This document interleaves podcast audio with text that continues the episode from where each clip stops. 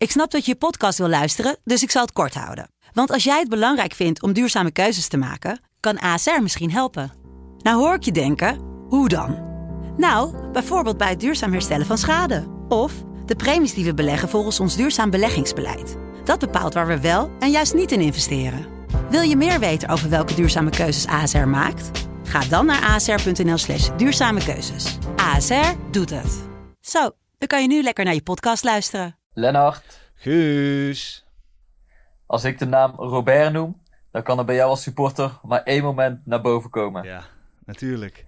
Robert, De Pino, De Souza, PSV naar Milaan. PSV is halve finalist.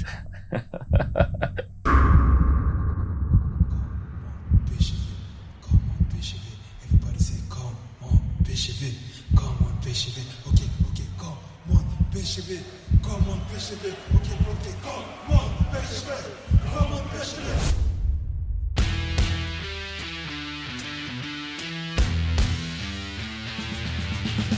PSV is landskampioen geworden. Het is niet te geloven. Het is niet te geloven. Romario, wordt dit zijn derde?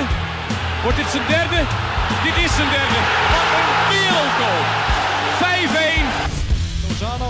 Richting De Jong. Oh, De Jong. Oh, wat een mooie. Fenomenale goal van de, de Jong. Hopelijk heb je met veel plezier naar deel 1 van de 31ste PCV-podcast geluisterd en heet ik je welkom terug bij deel 2. Vandaag weer een bomvolle en extra lange aflevering met een open en eerlijke André Ooyer. Onder andere over Hiddink, zijn transfer naar Ajax en een mooi verhaal achter de penalty van Robert de Pino de Souza. Veel luisterplezier en beleef nog één keer dat heerlijke seizoen van 2004-2005. Hey, wij, gaan, eh, wij gaan terug naar het seizoen 2004-2005.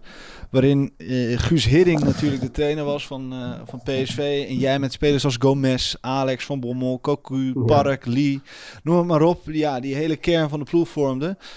Wat een seizoen was dat? We verloren maar één wedstrijd in de competitie. Weet je dat nog welke dat was? Nee, weet ik niet meer. Roda thuis. Eh, ro- speel ik niet rode kaart, van A- rode kaart van Alex was dat. Toen speelde Coné nog eh, bij Roda. Maar goed, eh, we werden kampioen, wonnen de beker en bereikten de halve finale van de Champions League. Hoe, hoe Ja. denk jij terug over dat seizoen? Waar, waar denk je Ja, dan aan? voor mij, het was voor mij een heel bizar seizoen eigenlijk. Want was in, in 2004 was ik bij het, bij het elftal op het laatste moment afgevallen. Ja. Ja. En, eh, ik was daar dus niet bij. Dus dat, dat, dat was voor mij echt een domper. Want daar had ik echt geen rekening mee gehouden. Wie, eh, En, voor, wie, eh, eh, voor wie moest jij thuis Mijn blijven? advocaat was toen. Ik was in, in 2003 eh, speelden wij die wedstrijden tegen Schotland. Ja. Die eh, kwalificatiewedstrijden. En toen viel ik in de rust viel ik uit. Omdat ik, ja, ik, had, ik, had, ik had veel pijn in mijn knie. En uiteindelijk bleek dat ik kruikbeen miste in mijn knie. Dus moest ik geopereerd worden in januari of zo. En, eh, eh, dus ik was geopereerd in de beginmaanden van 2004.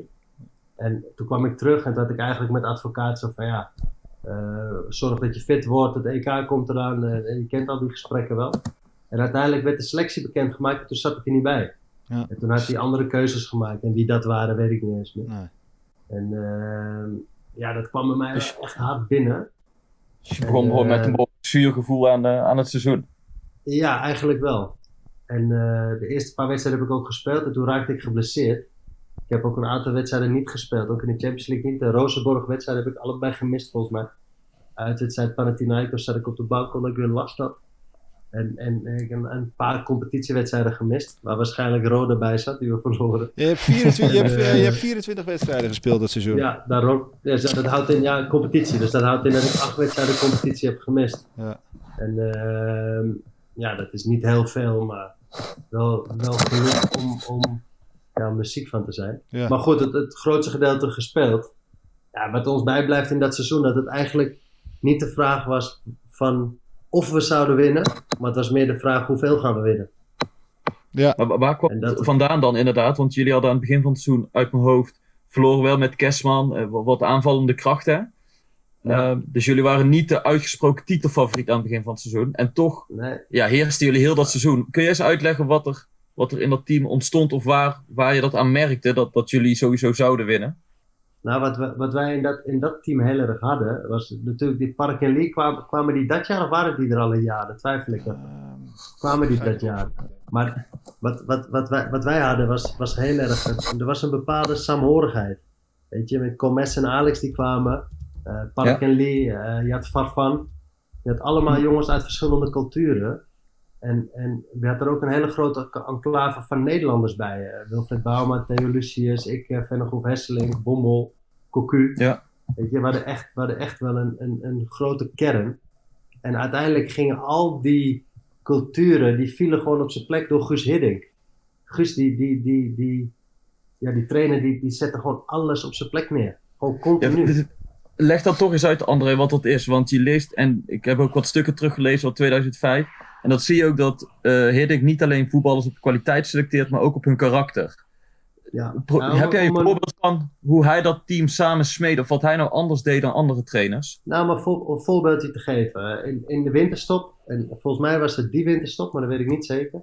kwam Alex eh, te laat terug van trainingskamp. Of eh, om op trainingskamp te gaan uit de winterstop. Hm. En eh, ja, wij Nederlandse jongens, weet je, van wat is dat nou voor ons? En hoezo mag hij twee dagen later komen en moeten wij op maandag komen, komt hij woensdag? Weet je, dat, dat, dat, is, dat, dat, dat gaat heel Ja. snel altijd, hè, dat soort dingen. hè. En Ja. eh, en toen zei Hiddink gewoon heel droog, jongens, maar luister. Laat mij het oplossen met Alex. En doen jullie gewoon je ding. Jullie zijn jullie. Met z'n allen de groep. Zorg dat de groep doet. Blijf hard doorwerken. Blijf trainen. Hè? Want ik ga jullie één vraag stellen. Zijn we met Alex beter of zonder Alex beter? Dus wij allemaal natuurlijk, ja, met Alex zijn wij veel beter. Nou dan, hij zegt dus laat mij het met Alex oplossen. En laat mij met hem de boetes geven of geen boetes geven. Of harde trainen of niet harde. Laat mij het met hem oplossen. En vertrouw daar gewoon op. Ja, en dat deden we ook. En uiteindelijk gaf hij hem volgens mij niet eens een boete. En, en, maar heb je wel een bepaald, heb je Alex op een dusdanige manier geraakt. Dat Alex, Alex een heel eh, gevoel had van, een, een plichtsgevoel had van ja, ik moet dit doen voor de jongens. En dat merkte je aan hem.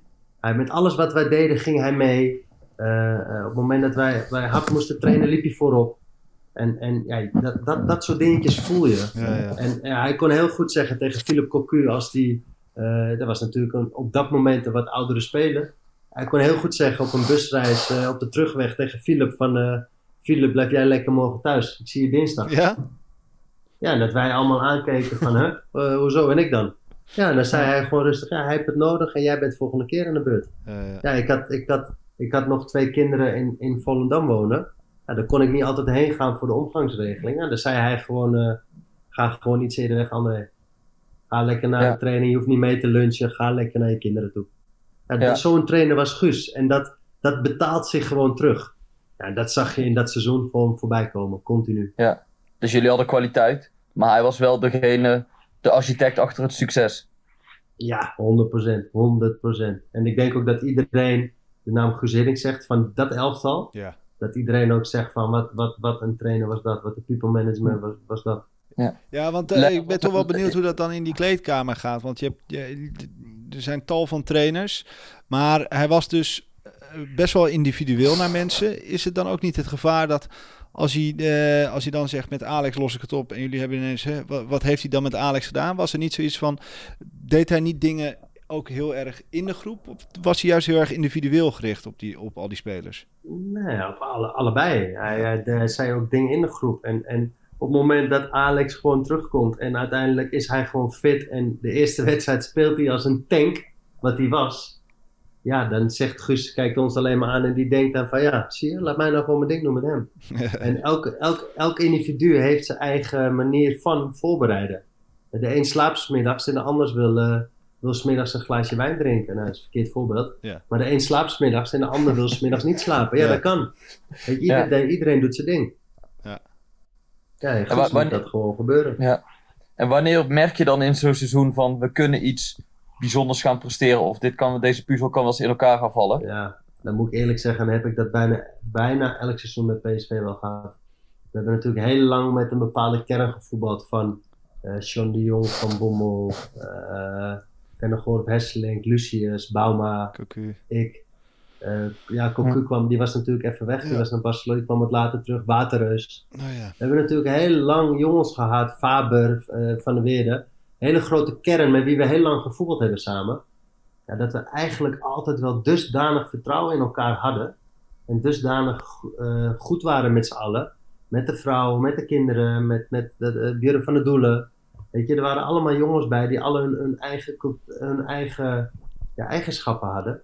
Ja, dat klikte gewoon eigenlijk altijd wel heel erg goed. En hoe kan het dan dat, zo, dat zo'n kern zo lang samen blijft voetballen? Dan als je nu kijkt, eh, vind je jammer dat het voetbal dan zo veranderd is? Had je niet... eh, had je niet... Nou ja, de, de, de zakelijke kant van het voetbal is natuurlijk veranderd. Het voetbal is sowieso weer nog sneller en nog harder en nog, eh, ja, nog sneller geworden, zeg, nog fysieker geworden.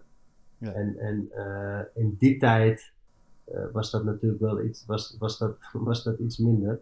Maar toen was de samenhorigheid was gewoon heel groot. Weet je, we, we, we deden heel veel dingen met elkaar, continu. En, Maar wat is dat dan? Wat, geen, wat deed je dan met elkaar? Want het klinkt bijna alsof jullie een soort vriendengroep waren. Ja, maar dat is ook zo. Ik denk dat je nu nog steeds hebt. eh, ik denk als wij met die jongens elkaar tegenkomen. Laatst was hier zo'n park was in, in Nederland. En toen had Van Nistelrooy wat jongens eh, die hier een beetje bij PSV werkten. eh, een beetje bij elkaar gehaald van ja, die jongens in dit land zullen hem verrassen. Laten we even uit eten gaan met hem. Toen heeft Ruud eh, gezegd dat hij met hem uit eten ging. En toen stonden we in één keer met acht spelers daar. En is er geen één speler die zegt van nee, kom niet. Snap je? Dan zit je daar Ja. met uh, Bauma, Bommel, Lucius, ik, uh, Vennegoff, Hesseling, De Jong. En dan komt iedereen. Ja. Snap je? Dat is dan geen, geen vraag. En dat hebben we nog steeds, allemaal met elkaar.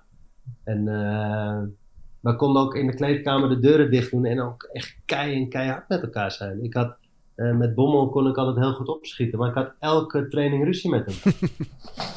ja, Ja, waar gingen Maar die ja, ruzies dan over? Ja, geef, over- geef eens een voorbeeld inderdaad van, van zo'n ruzie. Of welke ruzie jou Nou bijstaat. ja, dan, dan, dan, dan, dan eh, eh, gebeurde er een bepaalde eh, partijvorm, liep dan niet helemaal lekker.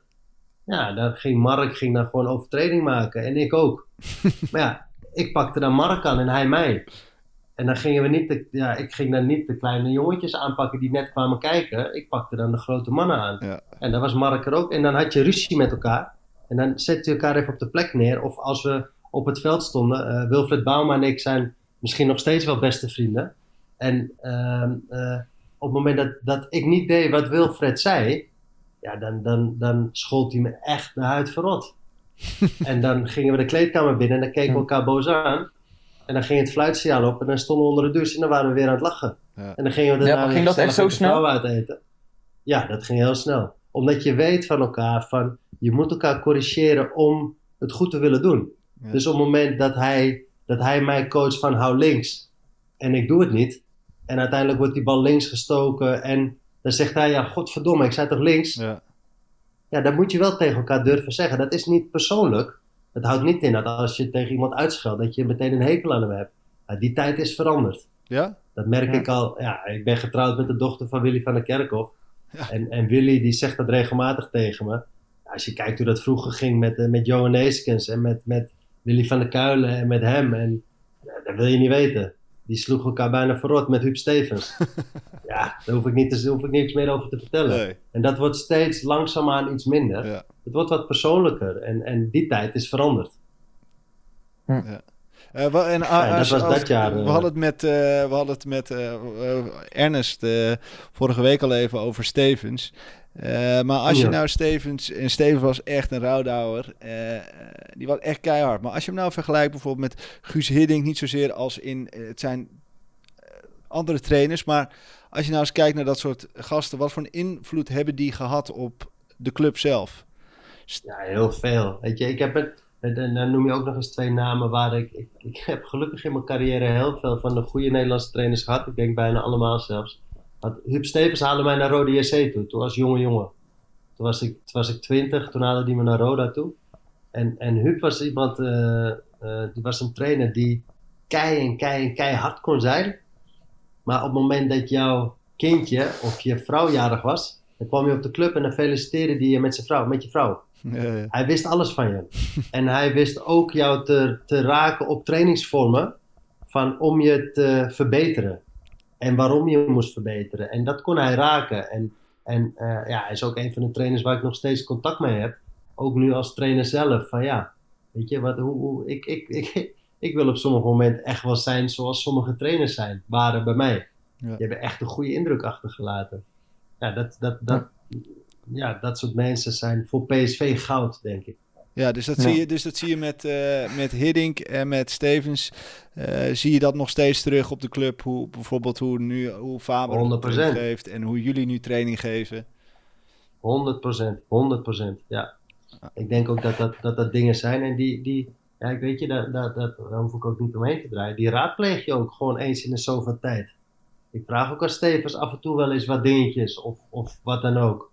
En hij, hij, is ook, komt, is ook wel eens op een trainingje komen kijken. En Guus Hiddink komt ook wel eens aan de jeugdkant kijken. En zo heb je wel eens contact met mensen om me heen. Ik heb, je komt Louis van Gaal, kom je ook af en toe een keer tegen. Snap wat ik Ja. bedoel? En dan praat je ook wel over bepaalde dingen, over het voetbal. En wat doe je nou en hoe doe je het? En hoe deed u vroeger dit dan? Ja. Ja, dat zijn echt wel vraagstukken. Die zijn heel interessant als oud-speler, als nu beginnende trainer, om daarmee om te gaan. Eh, van Bommel deed het ook heel veel bij Van Marwijk. Ja. Ja. dat is toch geweldig als je dat als steun en toeverlaat hebt. Ja. Ja, zeker. Toch nog even heel even terug naar Stevens. De, de- ik moet in één keer aan een, aan een incidentje denken tussen Edison Mendes en Huub Stevens. Weet je dat nog? Ja. Nee, daar was ik niet bij. Toen was ik, niet- toen was ik niet bij PSV. Maar, Maar, eh, we- die, die, maar kan je je voorstellen Ja, hoe, weet- dat, eh, hoe dat gegaan is? Want eh, als ik jou ook zo hoor over, over Huub, volgens mij is het... Ik heb hem ook een keer in de PSV Live Show gehad. Zo'n ontzettend aardige man. Ja, Eh, maar als je, als je, als je eh, eh, dan praat ik voor mezelf, ik ben een hele rustige jongen. Maar als je ruzie met me gaat maken, dan gaan me mijn oogklep op. En dan, dan ga ik gewoon, dan, dan loop ik door de muur heen. En dat heb, dat heb Huub nog meer, hè. Ja. Stevens is echt een, een man van no-nonsense. Ja. En op het moment dat je daar weerwoord tegen hebt, ja, ik vind dat je nooit iets terug moet zeggen tegen een trainer. Je moet altijd het respect hebben voor of je het er nou mee eens bent of niet. Dan ga je daarna een rustig gesprek aan. Ja. Ja, en, en, en op het moment dat, dat Stevens wat tegen je zegt of schreeuwt en je gaat terugroepen, ja, dan weet je dat je wel een probleem hebt, kan hebben. Ja. eh, dat, dat gebeurt. En eh, ja, ik vind dat je dat als speler nooit zo ver moet laten komen. André, ik wil heel even terug naar dat successeizoen van jullie, 2004-2005. Want je zei eh, aan het begin van dit gesprek, wij hadden eigenlijk niet, het was niet de vraag of we gingen, gingen winnen, maar op wat voor manier en hoe. Kun je daar eens een beetje invulling aan geven van, kun je dat gevoel eens naar boven halen? Of ja, hoe, hoe werkt zoiets in een team? Waar merk je Nou, dat aan? bent- we, we, hadden, we hadden bepaalde. eh, we, we, we, we zetten op een bepaalde manier druk en we konden op een bepaalde manier opbouwen. Dat we gewoon wisten van elkaar wat we deden. En we waren gewoon ingespeeld op elkaar en we voelden elkaar gewoon goed aan. En we wisten ook als wij op zaterdag een wedstrijd hadden, of op zondag, en je speelde op woensdag speelde je Champions League. Dan wisten wij ook van, nou, dan sta je 2-0 voor. Dan doen we, en nemen we even een klein beetje handremmetje erop. Want we hebben woensdag weer een wedstrijd. En dat is niet altijd goed. En ik begrijp ook dat veel mensen denken, ja waarom? Ja, woensdag speel je weer. En dan moet je weer doorgaan. En dan wonnen we zo'n wedstrijd met 2-0. En dan heb je, had je soms ook het geluk aan de hand dat je wel een goal tegenkreeg. Weer de 2-1 dat je dacht, oh, dan kan je dan bijna niet meer omdraaien. Maar wij wisten wel de, wat er voor nodig was om wedstrijden te winnen. We hadden zoveel winnaars in het elftal. En dan, dan heb- ja, je zei het net al, weet je, je praat over eh, Alex en Bauma, die stonden centraal achterin. Ja, daar, kwam echt, daar kwam echt geen muisje door gewoon. Dat was ongekend. En had je Lee aan de linkerkant alleen maar aan de overlap. Ik stond dan vaak rechtsback met Park voor me. Ja, als, als er überhaupt al een linksbuiten op me afkwam, Ja. dan stond Jason Park, die die stond al twee meter naast me om me te helpen. Ja, hier. En dan had je nog Jefferson Farfan. En dan Vennegoff Hesselink. Als we het even niet meer wisten, gingen we ballen lang op Jan spelen. Maar ja, er waren weinig mensen die van Jan een kopduel konden winnen. Ja.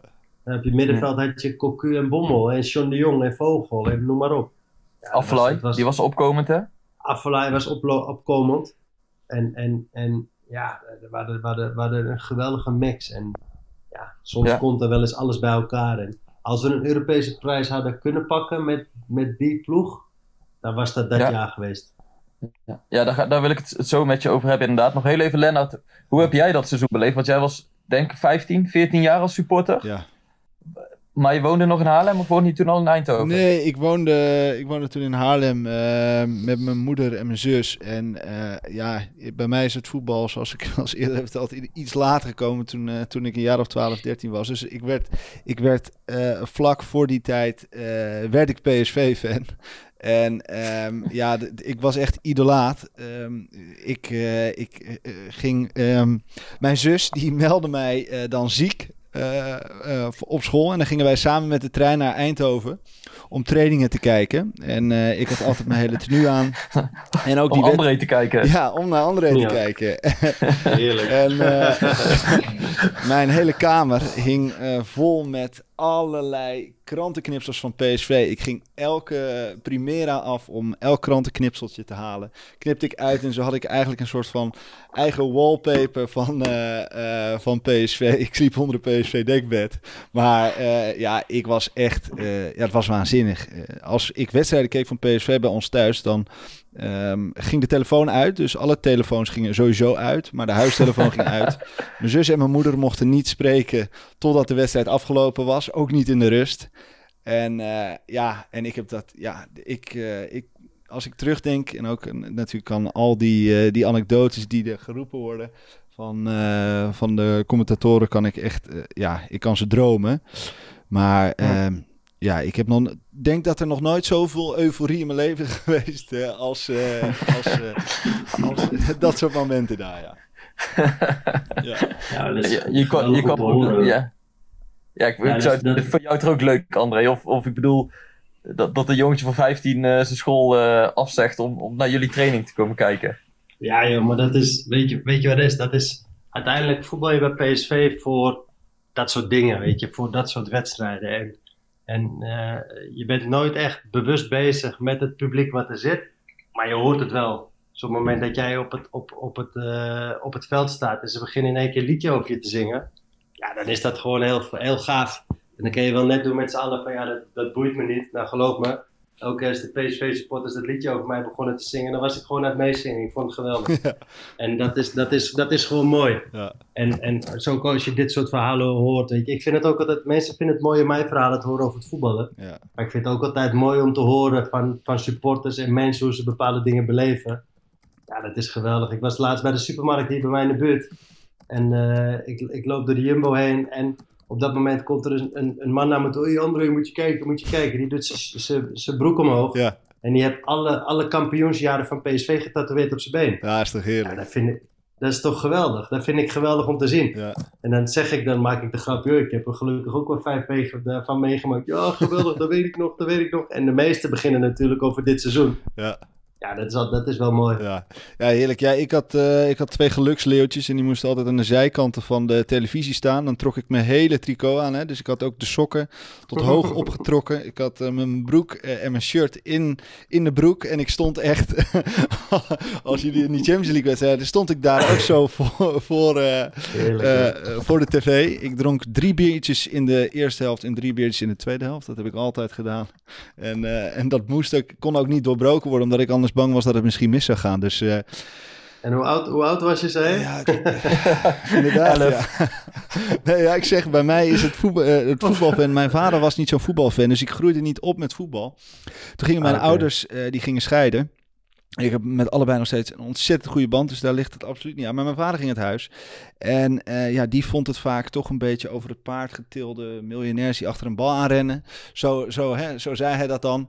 Ehm, daar Ja. keken wij thuis niet naar. Totdat mijn vader het huis ging. Dacht ik, hé, hey, wacht even, verrek, dat voetbal is wel heel leuk zeg. En ik was Ja. zo recalcitrant. Ik, één ding wist ik zeker, ik word niet voor Ajax. Dat was gewoon het enige wat ik zeker wist. En eh, toen ben ik samen met mijn zus echt gaan kijken naar welke club ik wilde worden. En wij hadden altijd al iets met Brabant, Guus Meeuwis. Ja, 1 en Ja. 1 is 2 hè. Ja, geweldig, toch? Dat is toch mooi. Ja, nou goed. Daar heb ik jou ook een mooi verhaal verteld, André. Huh? Ja. Nou ja, voordat wij verder gaan praten met jou, André, ga, eh, over die historische wedstrijd natuurlijk en de vragen van de luisteraars gaan bespreken, gaan we eerst eens even luisteren naar onze beste vriend van de show, Rick Elfrink. Rick, kom maar maar in. PSV is afgelopen week weer begonnen met trainen. Ja, en dat is natuurlijk toch een beetje een vreemde situatie. Op het moment dat eh, ja, het seizoen is afgelopen, moet je nog wat, eh, wat trainen tot 16 juni. Het komt niet echt neer op hele zware inhoudelijke oefeningen, maar het gaat meer om eh, ja, het bijhouden van de, van de conditie. Zodat straks in juli onder nieuwe trainer Roger Schmid een goede start kan worden gemaakt. Ehm, ja, en hoe die start er precies gaat uitzien, ja, dat is natuurlijk toch nog met veel eh, onduidelijkheid omgeven. Eh, PSV zal zeker in de spelersgroep een aantal veranderingen willen aanbrengen. Maar goed, het is natuurlijk niet de tijd nu om in één keer miljoenen er tegenaan te gaan gooien. Op het moment dat je met de spelers, eh, spelersgroep nog in contact bent over het ja, afstaan van salaris zelfs. Want in die situatie zit PSV gewoon. Het is de realiteit dat er bezuinigd moet worden. Betekent niet dat er helemaal niks gaat gebeuren of kan. Want uiteindelijk de normale bedrijfsvoering gaat door. Dus er zal zeker wel eh, een aantal transfers nodig zijn. Ehm, maar ja, ik verwacht geen eh, mega spetterende aankopen eerlijk gezegd. Eh, dat zou ook wel heel vreemd zijn als je ja, enerzijds miljoenen uit de spelersgroep wil hebben en anderzijds miljoenen gaat investeren. Dat zou zich niet helemaal met elkaar verdragen. Ja, ook de technische staf moet natuurlijk nog worden samengesteld helemaal. Ik denk dat eh, PSV graag Boudewijn Zenden in die staf wil houden. Eh Roger Smit neemt dan eh, één iemand mee, Jurgen Wolf. Nou, misschien dat hij nog wel iemand mee gaat nemen uiteindelijk. nog even afwachten hoe dat allemaal gaat lopen. Maar ik denk dat PSV ook nog wel een, ja, een extra assistent zoekt die Smit kan bijstaan. Of dat nou iemand uit de eigen opleiding is of een soort superassistent van buiten. Dat is nog even de vraag. Ehm, ja, ik denk dat PSV inmiddels al wat, wat dingetjes heeft uitgezet. Eh, ja, hoe dat precies gaat uitpakken, dat zal de komende weken snel duidelijk worden. Er is natuurlijk nog tijd zat. Eh, in dit soort fases beginnen altijd mensen al te vragen van ja, eh, is, er al beweging rondom die of die speler? Of ja, er is nu natuurlijk wel helemaal volop tijd. Ehm, ja, als je straks in september of eind september, misschien begin oktober weer de competitie kunt beginnen. Ja, dan, eh, dan zijn we nu nog in mei, dus dan worden het nog hele lange, lange, eh, lange maanden eh, voordat, ja, voordat die selectie rond is. Ehm, ja, in ieder geval bekend is dat Daniel Swaap zal vertrekken. Ricardo Rodriguez gaat normaal gesproken ook weg, denk ik. Ehm, ja, want zijn salaris is, is erg hoog en dat is voor PSV moeilijk op te brengen. Kostas Mitroglou gaat terug naar Marseille. Nou ja, en Ibrahim Afellay, is nog even afwachten hoe het met hem eh, verder gaat. Of PSV hem nog een jaartje aan boord wil houden. Tot zover. eh, ja, de komende weken zal er ongetwijfeld weer wat transfernieuws zijn. En ehm, ja, dan eh, wachten we even af hoe dat gaat uitpakken. Ja, we hebben het over het seizoen in de Eredivisie gehad. Maar die wedstrijd die natuurlijk het meest is bijgebleven is de kwartfinale tegen Lyon. Hoe vaak heb jij die wedstrijd teruggekeken, André? Nou, ik heb hem niet vaak teruggekeken, moet ik even verklappen. Dat, dat, ik keek nooit zoveel wedstrijden terug toen de tijd. Nu heb je heel veel videoanalyses, dat had je toen nog niet zo heel erg. En dat heb ik nog niet zoveel teruggezien eigenlijk, die beelden. In mijn hoofd eh, heb je dat, dat hele seizoen, in ieder geval die Champions League reeks, ja, die heb je wel echt meegemaakt. Je, was, was, op het moment dat wij, we hebben, ik heb, elke, ik heb 8,5 jaar bij PSV gespeeld in mijn eerste periode. En toen hebben wij volgens mij alle jaren hebben wij Champions League gespeeld. Ja. En de keren dat wij de volgende ronde halen, die waren natuurlijk op één hand te tellen. Ja. En ehm, ik kan me herinneren, dat, dat seizoen speelden wij tegen Arsenal thuis. Dat was de ene laatste wedstrijd volgens mij. En toen konden wij door een gelijk spel en alle andere dingen, konden wij ons volgens mij al plaatsen voor de volgende ronde. En eh, of als we zouden winnen en we konden daar iets mee. Ja. Toen scoorde ik zelf nog, doelpunt uit de corner van Bommel. Ja. En ehm, ja, vanaf dat moment gingen we naar de volgende ronde toe. In die pool die we hadden, ja, toen hadden we wel het besef van, ja, wacht even, weet je, we, zouden wel eens gewoon steeds mondjes aan verder kunnen komen. Want, want naast. Arsenal zat je bij. Rosenborg, Die, die, en Panathina Rosenborg, Panathinaikos en Arsenal. nog één. Arsenal. En Arsenal, ja. Ja. Ja, Rosenborg, Panathinaikos, Arsenal en wij. En, eh, Ja, want jij was er niet ja, bij tegen en- Panathinaikos, want daar verloren jullie met 4-1. Ja, eh, dat- toen zat ik op de bank volgens mij. Maar die, eh, dat was de laatste wedstrijd. Klopt, ja. Ja, dus toen waren we al geplaatst. En dat, ik, weet, ik kan me nog herinneren in, in, in dat wij bij Arsenal 1-1 speelden. Toen gingen we de bal rond, rondspelen, vijf minuten voor tijd. en toen was het allemaal een beetje zo vanuit het publiek van, ja, wat gaan ze doen? Wat zijn die aan het doen? Een beetje fluiten en doen. Ja. En toen kwamen wij er wel snel uit dat we dachten van, ja, wacht even, een mooi verhaal. Weet je wat het publiek ook doet? Maar als wij 1-1 spelen en de andere uitslagen waren gunstig, dan zijn we door naar de volgende ronde. Ja. En volgens mij was dat toen. Dat is iets wat ik, wat ik misschien verzin. ik Ja, nee, nee, nee, want je, hebt, eh, want je is. speelde tegen Arsenal thuis, die wedstrijd voordat je tegen Panathinaikos speelde, eh, speelde je 1-1 in het Philipsstadion. Ja, dat, die weet ik. En volgens mij plaatsten wij ons toen al zo goed als voor de volgende ronde. Ja. En ja, toen kwam daarna, wat kwam daarna? Monaco volgens mij. Ja. Ja. En eh, ja, Monaco, dat is... Als ik, als ik aan dat seizoen denk, dan denk ik aan Lyon. Zeker de penaltyreeks en waar we het zo over gaan hebben. maar ook echt aan de, aan de eh, interactie tussen spelers en supporters in Monaco. Wij, wij wonnen toen in Monaco en toen gingen we door naar de volgende ronde. We wonnen daar 2-0 volgens mij Ja. kan het. En, en ehm, toen moesten de supporters moesten langer blijven zitten. Ja, wij gingen door, dus we hadden niet alleen de volgende ronde bereikt, maar ook nog eens de kwartfinale bereikt. En eh, ja, die supporters die moesten wachten, die mochten nog niet weg. En wij hoorden dat in de kleedkamer. Toen zijn we teruggegaan.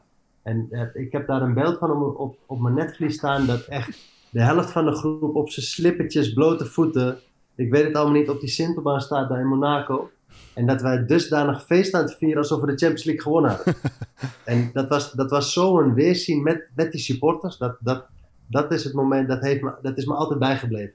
Ja. Van, van supporters met PSV. Dat was Monaco uit. Ja. Ja, dat was goud, jongen. Dat was geweldig. Wij met z'n allen Zegt dat ook iets over, eh, zegt dat ook iets over hoe bijzonder dan die, die Champions League reeks is inderdaad? Want je wordt ook kampioen, je wint de beker. Maar ja, als we het nu over die Champions League hebben, dat kun je allemaal zo helder nog voor je geest halen. Ja, nou, kampioen waren we al geworden. Hè? Dat was niet de eerste keer. Ja. Dus die Ja. hadden we al. Volgens Ja. mij, voor mij was dat volgens mij dat seizoen mijn, mijn vierde of vijfde kampioenschap. Dus dat wist ik wel. En het mooiste aan een kampioenschap was niet zozeer die schalen mogen halen. Maar het mooiste aan een kampioenschap is gewoon die rondrit door de stad heen. Ja, ja. Dat is waar je voor het hele jaar. Die rondrit die was zo, dat op die platte kaart door de supporters heen, dat, dat is zo goud. Ja, daar, daar, wil je, daar, daar wil je elk jaar weer naar terug. Dat is echt het mooiste wat er is van een huldiging van een kampioenschap. Dat was echt, dat was echt zo mooi. En, en ja, dat, dat, dat, dat besef je dan op het moment dat je Champions League speelt. Weet je van, hé, wacht even, je kan succes halen. Ja, en toen kwam die wedstrijd van Lyon. Ja, Olympique Lyon, die hadden we volgens mij daarvoor al op een toernooi tegengekomen. En daar hadden we al een aantal keer tegen Ja, gespeeld. klopt, ja. Ja, Olympique Lyon was gewoon een, een mega goede ploeg. Echt zo'n out, out, outsider was dat gewoon. Ja, er was er niet zomaar eentje, En- Lyon. Nee, ik, zat, Nee, ik zat vandaag nog even naar die opstelling te kijken.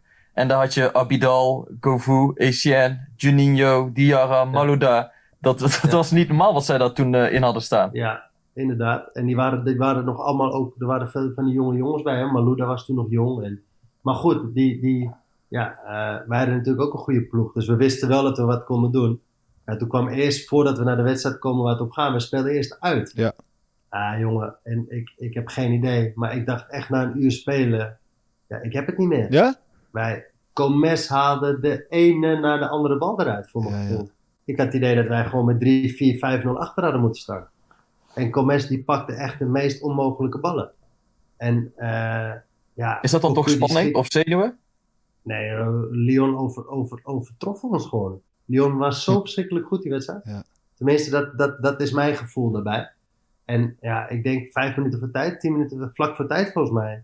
Eh, Ja. denkt, de- denkt Philip van, nou ja, weet je wat, ik schiet een keer op goal. En die bal die stuit het erin en die gaat de hoek in. En we staan in één keer 1-1. Ja. En op dat moment verandert dus een, een druk van helemaal weggespeeld worden en denken van, nou ja, wat doen we hier? In één keer in 1-1 van, hey shit, we hebben een kans om de halve finale te halen, want we moeten nu thuis. Ja, thuis met het publiek, met onze supporters. Ja, thuis waren wij gewoon onoverwinnelijk dit, dat jaar. Altijd eigenlijk bij PSV heb ik me dat zo gevoeld. Ja. Maar maakt niet uit welke ploeg er komt thuis bij ons.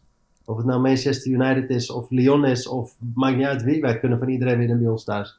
Supporters erachter staan en wij zetten gewoon druk wat we moeten doen. Ja, dan, dan is dat zo'n wisselwerking. Dan, kan iedereen, dan, dan gaat iedereen eraan. Ja, dat Maar ben gebeurde toch- bij ons ook. Ja. Wat Ik ben, ik ja, ik ben dan toch benieuwd in dat je speelt dan 1-1 uit. Dus dat geeft een enorme boost. En dan leef je als speler een week toe naar die tweede wedstrijd van de kwartfinale. Wat, wat voor een Nederlandse ploeg heel Ja, uniek is. Ja, er Ben je daar- een competitiewedstrijd tussen, hè? Want die speel je ook nog. Ja, Dus ik weet ja. niet eens meer welke wedstrijd ertussen zat. Ik hier maar, Nee, Maar er staat Daar ben je dat een niet mee bezig. competitiewedstrijd tussen. nou, jawel, tuurlijk wel. Want na die wedstrijd van Lyon weet je, oké, 1-1. Het is, eh, ik zeg maar weer woensdagavond, zaterdagavond moet je weer spelen. Ja, dan is het wel dat Hiddink meteen weer zegt, jongens, leuk, maar zaterdag moeten we spelen, we willen kampioen worden. Dus focus je nu op de eerste wedstrijd. En dan focus je op die eerste wedstrijd en dan is die wedstrijd voorbij. En dan pas focus je weer op Lyon. ja, Dat jullie moesten nog kampioen worden. kracht. Volgens mij je? ik je speelde tegen eh, NEC. eh, Ja, jullie moesten nog kampioen worden op dat moment.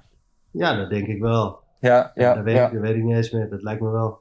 En, Ja. en eh, nou, die wedstrijd tussendoor, ja, die win je dan prima. En dan, eh, hoeveel wonnen we die wedstrijd, Lennart? Weet Ja, je dat dat? heb, Ja, ik zit even kijken. Volgens mij was dat tegen NEC 4-1. Ja, ja, simpel dus. Maar toch speelt dan Lyon vanaf dat moment dag en nacht door je hoofd. Van die, die tweede wedstrijd komt eraan. Of hoe werkt dat eh, bij een speler? Nee, ja. Ik ben, ik ben wat dat betreft een hele erge cultuurbaba. Want ik, ik, ik, maakte me no- ik maakte me nooit zo druk. Dat klinkt misschien gek, maar ik, speelde, ik leefde gewoon naar de wedstrijd toe. En of ik nou NEC spelen of Olympique Lyon spelen of met Nederlands elftal spelen. Ik speelde gewoon die wedstrijd. Ik deed gewoon de dingen die ik altijd deed. Ik genoot lekker van mijn gezin. En ik, ik was gewoon, eh, ik rust op de dag van de wedstrijd. Moest ik gewoon slapen. Dat was gewoon een dingetje wat ik, wat, waar ik me fijn bij voelde. En dan had ik gewoon lekker mijn sportmatijtje en Mart van de Heuvel, dag voor de wedstrijd, masseerde me altijd. En ja, dat, dat zijn gewoon dingen die je altijd doet. En, en ja, uiteindelijk die wedstrijd, we gingen altijd naar de Roos in Oosterwijk op trainingskamp. Dus ja, daar zullen we voor die wedstrijd ongetwijfeld ook gezeten hebben. Ja, en dan, dan, ja, dan ontwaak je morgens daar in het hotel en ga je ontbijten. En dan ga je wel de spanning voelen. Dan voel je wel van ja, vanavond gaat het gebeuren. En ja, ik zit hier nu ook te lachen. Het is jammer dat je mijn gezicht niet ziet. Maar ik, zit, ik, kan daar, ik kon daar echt van genieten. Dat is ook het stukje wat ik echt mis in het leven nu. Dat ik zou zo weer teruggaan. Ik vond het echt geweldig die tijd. Ja, mooi zeg. En, Eh, eh, even correctie trouwens. Jullie speelden uit tegen Heerenveen 0-3. Wonnen jullie. Oh, Dus ja, ja, ook... uit Heerenveen. Ja. Dat was ook niet makkelijk. Nee. En ehm, ehm, ja, dan, dan, dan komt zo'n dag van die wedstrijd. Ja, en dan leef je naar de- zo'n wedstrijd Ja. toe. En dan, ja, voor mij, het was voor mij geen twijfel of ik zou gaan spelen, ja of nee. En het was over het algemeen wel duidelijk met welk elftal we gingen spelen. Ja, dan wordt uiteindelijk eh, om een uurtje of vijf wordt pas bekend eh, wie de, wat, wat de opstelling is. Ja, de, de weg daar naartoe is natuurlijk wel, ja, is wel speciaal. Dat is wel mooi. Is er een specifiek moment dat je herinnert van die dag? Of, of in de aanloop naar die wedstrijd? Nou ja, niet echt. Ik had altijd, samen met John de Jong had ik altijd eh, House of Justice, een liedje zeg maar. Die wilde ik graag in de warming-up horen. En als dat liedje kwam, dan ging ik zelf altijd helemaal uit mijn dak. Dat echt iedereen me aan zat te kijken van wat is die gast aan het doen? En, en dat had ik in die wedstrijd ook. Dan zette Kunst Groots, die, eh die regelde dat meestal dan de muziek. Eh, die werkt ook in het stadion nu, kaart verkopen.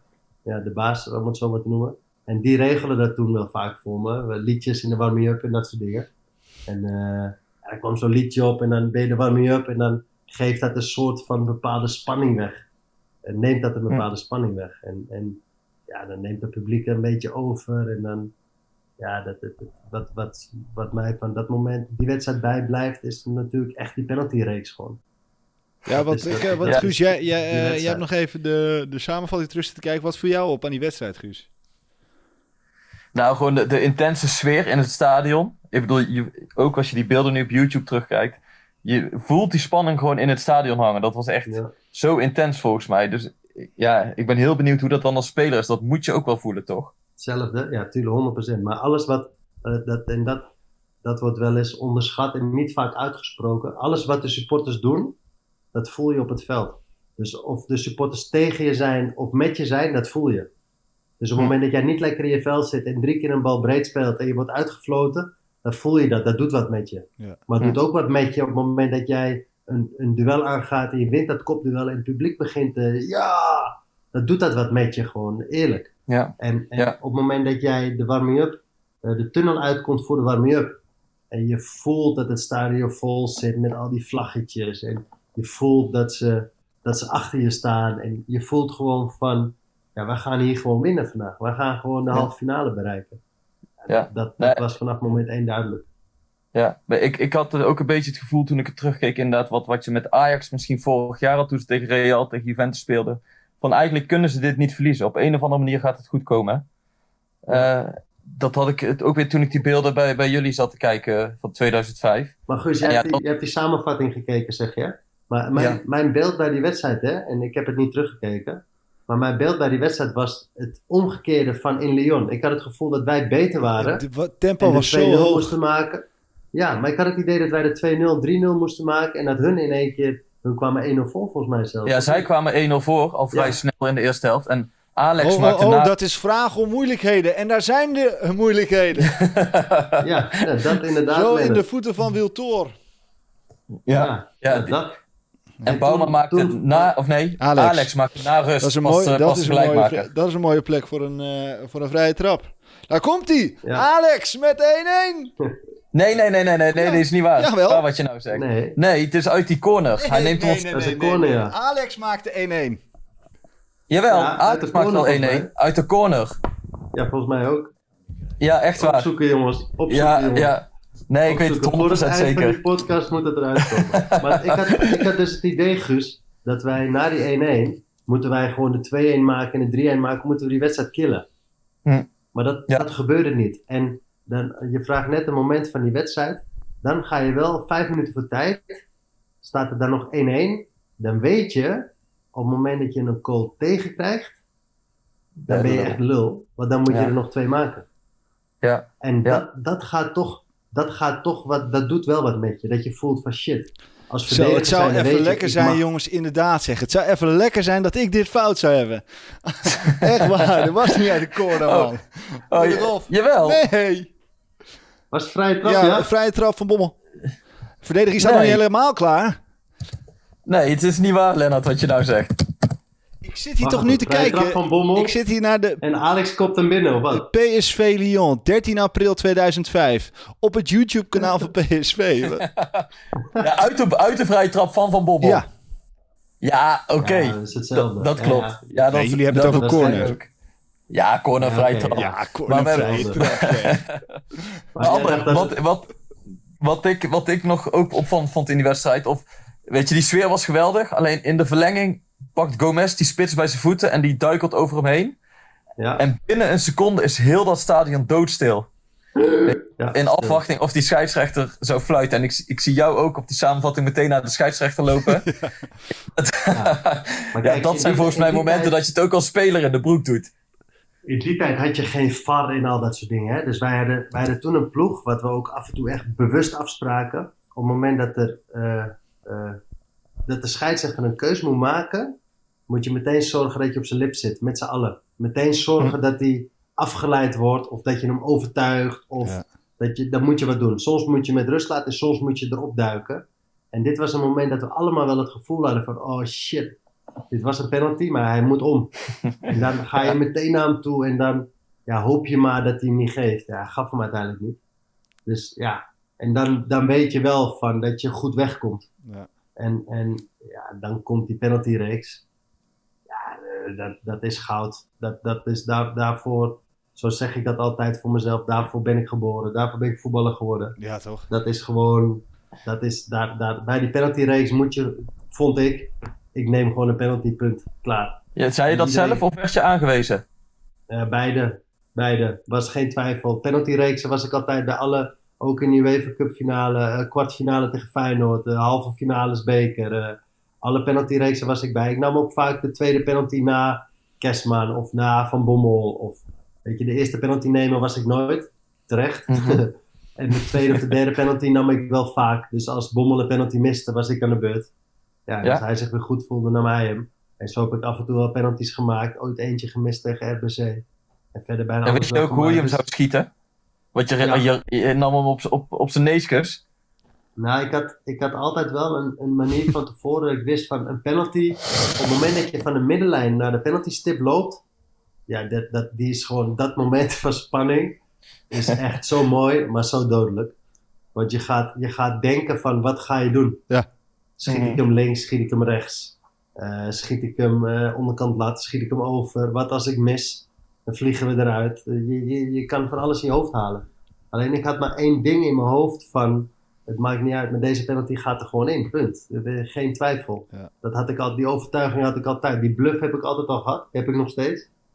Op het moment dat ik bij onder 19 een bal pak, ik zeg ik schiet hem op de lat, dan pak ik de bal en schiet ik hem op de lat. Die overtuiging heb ik altijd. en, en of het dan gebeurt, zien we dan wel weer. En ik, ik loop naar die bal toe en ik, ik had me voorgenomen gewoon, ik schiet hem gewoon hoog door het midden. En alle Neeskens inderdaad, wel iets hoger dan dat hij dat altijd deed. En op het moment Ja, hij dat de bal neerleg, ja, ik, maar het- dat zie je op die beelden niet zo, maar dat is een gevoel. Ik glij een heel klein, mijn, mijn standbeen glijdt een heel klein beetje weg. Dus Mhm. mijn been gl- glipt een heel klein beetje. En als je dat doet, dan ga je met je lichaam naar achter en dan schiet je die bal hoog over. En hij glijdt weg en dat besef ik, waardoor ik mijn lichaam iets naar voren doe. Waardoor ik eigenlijk op het moment dat ik de bal raak, stond voor mij even een milliseconde de wereld stil. Och. Want ik dacht echt van, kut. Ik glij Gaat weg. fout. Ja, en die bal gaat over. En ik zie hem onderkant laten erin gaan. Ja, mooie, mooie, kon je er niet in. En, maar het was niet zo bedoeld om hem zo onderkant laten erin te schieten natuurlijk. Ja, en dan, dan heb je zelf je penalty gemaakt. En, en achteraf irriteer ik me aan mezelf dat ik niet even naar Comes ben gelopen om hem succes te wensen. Maar ik ben gewoon weggelopen naar de middelen. Ja. Juichen met het publiek en weg. Ja, dan, komt, dan missen hun en dan... dan Ja, want zij waren arrogant, hè? Geen Ja. aanloop van betekenis. Arrogant. nee, niks. Ja, klopt, inderdaad. Maar ja, daar zijn ze voor betaald. Ja. En, en, en daar, daar, ja, ik ben blij dat ze dat zo waren. Want ja, het was voor ons alleen maar lachen natuurlijk. En jullie hadden Gomez. En wij hadden Gomez. Maar dan, dan komt eerlijk, het hè, moment... Maar heel Ja. eerlijk nog even op dat moment over Gomez. Hè. Ja. Dan, dan als Gomez, eh, die, draait, die draaide zich om toch? Dan ging hij Ja. met zijn rug naar de, pen, naar de, naar de nemer staan. Ja. En dan sprong hij drie keer omhoog tegen de lat. Ja. Ja. met alle respect, ik, ik heb wel eens eh, penalties geoefend op trainen met hem, tegen hem. Maar als hij daar staat, dan dacht je echt bij jezelf van... eh, hoe, hoe, waar ga ik die bal binnenschieten? Dat kan helemaal niet. Dat, die, die, die man is zo groot, die heeft armen, die, die, die raakte bijna de paal aan als hij in het midden stond. Dat kan helemaal niet. En, en, en ja, hij deed het ook nog. Ja, en dan komt die laatste penalty, ja. Ja, dan, dan komt het moment waar we de podcast mee openen. En Lennart, hoe, hoe heet hij ook alweer? Robert. De Pino. De Souza. PSV naar Milaan. ja. Maar we hebben dat, dat moment, hè, dat, dat gaat wel door je heen. Hè. We hebben, dat moment hebben we ook gehad in, eh, wat was het, 2002, kwartfinale Feyenoord.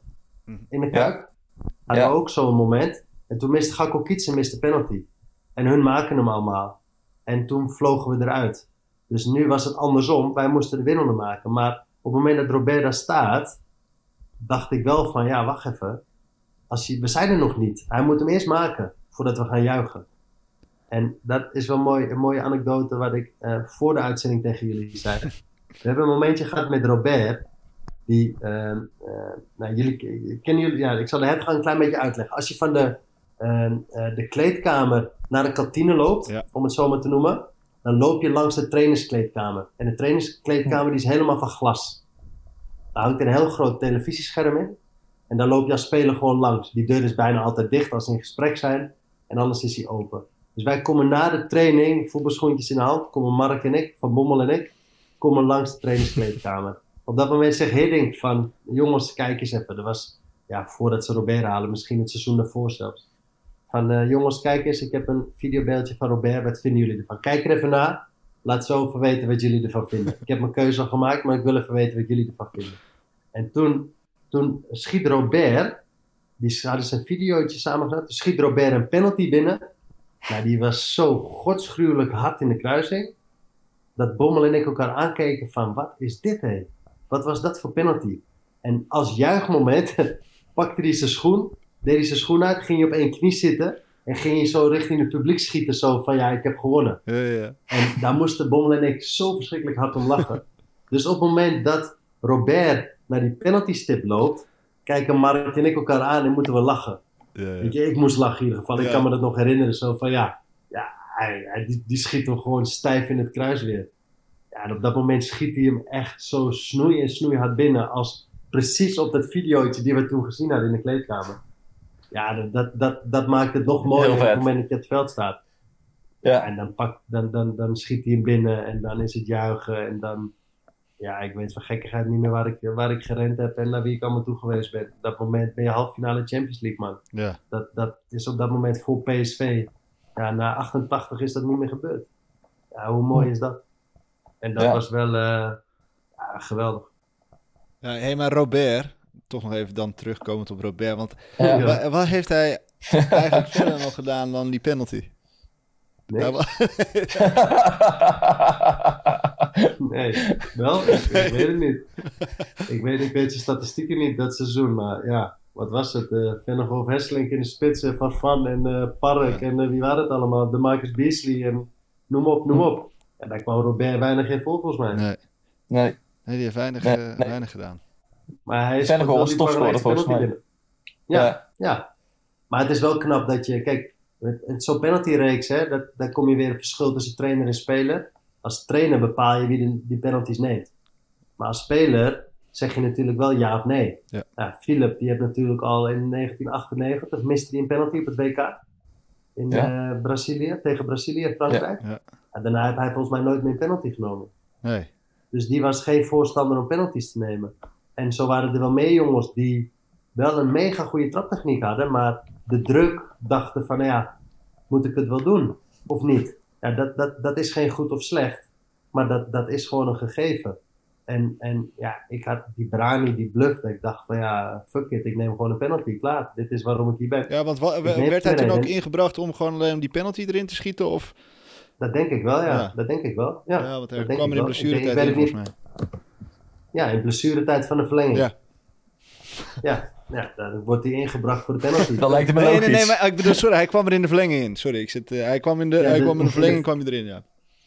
Ja, Ja. ja. dan, dan breng je hem in Ja. voor die penalty. Ja. Of om misschien nog wat te doen natuurlijk. Want het was natuurlijk geen slechte speler. Ja. Alleen, dan, dan wordt die lijst gemaakt van vijf spelers. Ja, dan komt gewoon de trainer naar je toe. De assistenttrainer en de trainers die komen naar je toe. Van ja, wat, eh, wat wordt het? Wil je, wil je nemen, wil je niet nemen? En dan, dan maken die een, een rondje van ja, ik wel, ik wel, ik niet, ik niet, Ja. ik niet. En dan komen er vijf uit. En ik wilde gewoon altijd de tweede penalty nemen. Ik speelde met nummer twee. Nummer twee was, ja, mijn penalty was gewoon, ja. Dat vond ik de penalty met voor mij de minste druk, zeg maar. Waarvan ik wist, deze maak ik. Nummer twee maak ik altijd. Hm. Ja, dus was, Was- ik was nummer twee. Ja, en was, was deze wedstrijd, deze avond met die penalty-reeks, is dat ook een van jouw mooiste momenten dan uit jouw eh, carrière? Ja, ik heb, eh, ik heb wel, zeker, tuurlijk. Tuurlijk, 100%. En Nederland zelf had de kwartfinale tegen Brazilië in 2010. Ja, dat ik te oud was en weet ik van wat. Daar zullen we ongetwijfeld zo direct met de vragen nog op terugkomen. Dan, ja, eh, PSV die je contract niet verlengt. zelf ben je boos. je gaat naar het WK. Eh, vriend en vijand wilde niet naar, dat je naar het WK ging. Op het laatste moment kom je erin en speel je die wedstrijd, kwartfinale het WK. En win je van Brazilië met 2-1. Dat was ook wel echt een mooie wedstrijd. Ja. Dus ja, maar bij, met PSV was dit wel echt. eh, ja, dit was wel een memorabele wedstrijd. Maar ook met PSV hebben we zo verschrikkelijk veel mooie wedstrijden gespeeld thuis. En ook eh, een wedstrijd tegen RBC was gewoon mooi. Die win je de eerste wedstrijd van het seizoen wonnen volgens mij met 5-1 of zo, 5-2. Ja. En die was uit nog. Maar ook, ook de thuiswedstrijden waren gewoon, die waren gewoon goud. En, en, en ja, ik heb altijd genoten van, eh, van spelen in, eh in Philipsstadion. Mooi. Ja, we, we hebben het nu natuurlijk vooral gehad over Lyon, omdat die euforie zo groot is. En er kwam natuurlijk nog een halve finale aan. Laten we daar toch nog heel kort even over hebben. Omdat, omdat de euforie nu zo heerlijk is, eh, is het echt moeilijk, Ja. vind ik ook, om over zat- die, eh, over die halve finale tegen Milan te praten. Maar Daar zat voor mij wel een, een, een vervelend verhaal aan eigenlijk. Want ja, ik, had tegen, ik had tegen Monaco, kreeg ik echt een hele stomme gele kaart. Echt een stomme, suffe kaart. Gewoon, ik weet niet eens meer, een bal wegtrappen of eh, commentaar op de scheidsrechter te lang doorgaan. Echt een suffe kaart gewoon, waar, waar je eigenlijk een boete voor moet krijgen. Gewoon, zo stom was het. Ja. En Hiddink zegt na die wedstrijd in Monaco, zegt hij tegen me van, ja, jij, deze, deze kaart komt jou echt nog duur te staan. Hier, hier gaan we echt nog problemen mee krijgen met deze kaart. Op dat moment dacht ik echt van, ja, weet je, lul maar. Ja. Mooi verhaal, eh, het zal wel. En in Milaan, tegen Shevchenko, wil ik een bal onderscheppen. Ja. En eh, hij ziet dat, ik maak een sliding. Hij tikt die bal weg, valt over mijn been heen. Ja. En ik krijg een gele kaart. En door die gele kaart, twee gele kaarten, totaal Champions League, ben je wedstrijd geschorst. Ja. Dus ik was de thuiswedstrijd, de terugwedstrijd in PSV Milaan, ben ik geschorst. ja Ah jongen, dat wil je niet weten. Ik ben veel geblesseerd geweest en ik ben een aantal keer geschorst geweest. Maar bij deze wedstrijd niet bij zijn, dat was Hm. echt gewoon... Een van Jezus, je jongen. dieptepunten. Oh, dat baalde Ja, wat zei verschrikkelijk tegen je toen? Zie je wel. Ja. Nee, die zei dat pas na... Nee, dat zei hij na de verloren wedstrijd in Milaan, de- thuis, dat we eruit vlogen. Toen zei hij van, eh, zie je, Ja. waar kwam de voorzet vandaan? Ja, van de, van de rechterkant. Hij zegt, oké. Ja, Oh ja, dat zegt hij dan nog even tegen je? Ja. Zo, maar Ja, dan, dat is me ja, wel bijgebleven. En dat neem je nu weer mee in je eigen trainingscarrière tegen die jongens om dat soort voorbeelden te zeggen. Ja, eh, wel grappig. Gomez vertelde in die docu, die was eh, van een tijd terug nog op televisie, dat het alsnog voelde alsof jullie de Champions League zo goed als gewonnen hadden. Ook eh, toen jullie eruit vlogen tegen Milan. Want dat, ja, die wedstrijd duurde natuurlijk gewoon net even te lang. Ik weet niet waar hij het over hebt, maar dat heb ik helemaal niet. Nee? Nee, totaal niet. Nee, dat kan toch ook haast niet. Nee, maar hij Nee, zei man, van, omdat hij zei, ze waren zo goed. Eh, ehm, ze, ze vlogen eruit, maar alsnog, weet je wel, het voelde gewoon alsof ze, ja, jullie wa omdat jullie zo'n goed team waren. Ja, maar Ja, tegelijkertijd, anders. Maar niet, nee, dat had ik totaal niet. Nee, helemaal niet. je laat ook een unieke kans de- lopen. ja, dat wij op de platte kast stonden om het kampioenschap te vieren.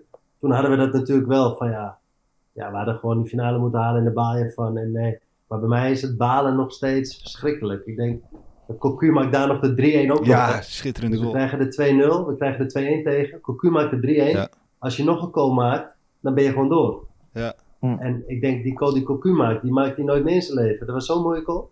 Ja, Hm. ik weet het. Ja, en eh, eh, je had het eh, net al even op de trainingen over dekken en aanspreken.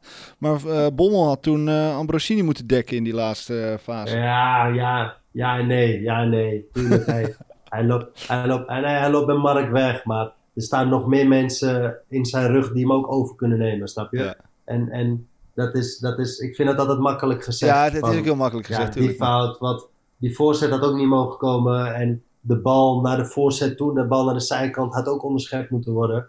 Weet je, dat soort dingen kan je nooit aan één iemand opleggen. Nee, is ook zo. En daar waren we ook een te, te groot team voor. En er gaat veel fout aan vooraf. Hadden ook de 3-0. Kijk, we hebben ook, wat ik erger vond, was de, de kans die Bommel kreeg en die Park kreeg in Milaan. De schietkansen vanaf de 16 meter, dat vond ik erger. Want daar hadden we moeten scoren.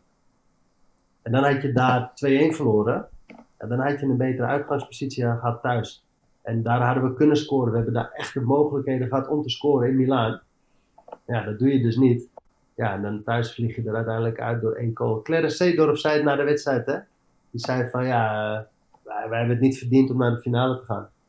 Ja. Maar ja, Maar k- kijk je dan nu, als je zoveel, zoveel jaren later, eh, dat, dat, dat Champions League seizoen, is dat voor jou een van je hoogtepunten? Of doet dat dan nog altijd een beetje pijn? Omdat je weet van, ja, er had echt zoiets moois in gezeten. ja, beide. Natuurlijk is dat, dat seizoen een hoogtepunt. Maar voor mij dat wel dieptepunten. Want ik heb toen die halve finale één niet gespeeld. En we halen de finale niet. Dat zou mijn 50 de Champions League wedstrijd worden volgens mij. Mijn 50 Europese wedstrijd voor PSV. En ehm, de dag erna, of twee dagen daarna, wij speelden de bekerfinale daarna tegen Willem II. En de dag erna ging ik met de reserves trainen. En toen was ik zo verschrikkelijk boos dat ik echt zo lang door ben gegaan met trainen. Dat ik eh, nog ging afwerken en op kool schieten en helemaal als een malle ging. En toen scheurde ik een bovenbeenspiertje uit gekkigheid. Oh. Dus ik had na, de- na de wedstrijd eh, ja, een, een, een klein beetje alcohol gedronken. Omdat we dachten van ja, fuck. eh, Ja. ik hield het niet meer van de spanning tijdens die wedstrijd. Ja. Dus ja, dat. En de volgende dag trainen. Toen ging ik hard trainen. Dacht ik, ja, ik moet alles even eruit weer. En toen scheurde ik mijn bovenbeen. En toen miste ik daardoor de bekerfinale. Ja, dat was nog erger. Dus ik verloor en de halve finale niet gespeeld. Door de gele Jezus. kaart, de stomme kaart. En de bekerfinale niet gespeeld. Omdat ik zo eigenwijs was om de dag erna als een malle te gaan trainen. Dat het Luc van Acht zegt, doe rustig aan. Overmorgen train je weer. Eh, nee, ik was weer eigenwijs. Ik ging weer trainen. En toen, ja, ik was de bekerfinale dus ook niet fit. Gewoon niet. En toen zei Guus Hiddink, dat was Hiddink. Die zei dus de dag voor de wedstrijd, voor de bekerfinale, André, eh, ik wil dat je op de bank komt zitten. Ik zeg, ja, maar trainer, ik kan niet eens invallen. Ik kan niet eens sprinten. Hij zegt, ja, ik wil toch je op de bank komt zitten. Hij zegt, en breng ik je niet in, maar dan ja, ben je erbij, want je verdient wel om de bekerfinale mee te maken. Ja. Ja. Ja, en toen zat ik dus op de bank. Toen stonden we 4-0 voor. En toen eh, zegt hij vijf minuten voor tijd van, dan kijkt hij me zo aan, eh, wil je even?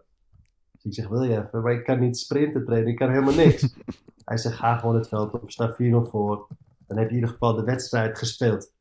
Dan heb je de bekerfinale gespeeld. We hebben veel aan je te- danken gehad dit jaar. Je hebt genoeg meegemaakt in het verleden. Ja. Hij zegt dus eh spelen. Toen viel ik vijf minuten voor tijd, viel ik die bekerfinale in. Toen speelde Martijn Reuzen bij Willem II. Die, moest, die ging als een malle sprinten om nog een doelpunt te maken. Ja, toen dacht ik, dit kan niet gebeuren. Dus toen sprint ik echt als een malle om die bal te onderscheppen. Dat deed ik ook. Ja. Maar ja, toen kon ik daarna weer zes weken niet lopen. Dus toen was, begon het nieuwe seizoen 2005-2006. Begon ik nog steeds geblesseerd in mijn bovenbeen. Maar ik heb wel de beker geworden en gespeeld. Nou, mooi André. Hey, wij gaan eh, door naar de vragen van de luisteraars. We hebben er sowieso een paar. Ehm, eh, we beginnen met die van eh, Rick Klein en Tink. Hoi André, wat zijn jouw ambities in het trainersvak of kijk jij gewoon wat er op je pad komt? Ambieer je zelf een carrière als hoofdcoach in het betaald voetbal bijvoorbeeld? Nee, ik, ik, ik ambieerde hoofdcoach nog niet. Maar ik heb ook eh, tijdens mijn carrière altijd gezegd, ik ga nooit trainer worden. Na mijn carrière gezegd, ik ga nooit trainer worden. Toch de trainingscursus gaan doen. En nu zeg ik ook, ik ga nooit hoofdtrainer worden. Ja. Ja, zeg nooit nooit. Eh, op dit moment ben ik assistent bij Van Nistelrooy. Dat, dat bevalt goed. Ik ben assistent geweest bij Cocu en Bommel, één, twee dagen in de week. Nu echt fulltime met Ruud aan het werk. Ja, dat is wel echt fijn werken. Fijne persoonlijkheid. We hebben een mooie staf met Tim Wolf, Abe Knoop. Eh, we hebben echt een mooie staf. En eh, ja, dat bevalt me wel heel erg goed. Ja. En ja, waar dat schip gaat stranden, ja, we zien het wel.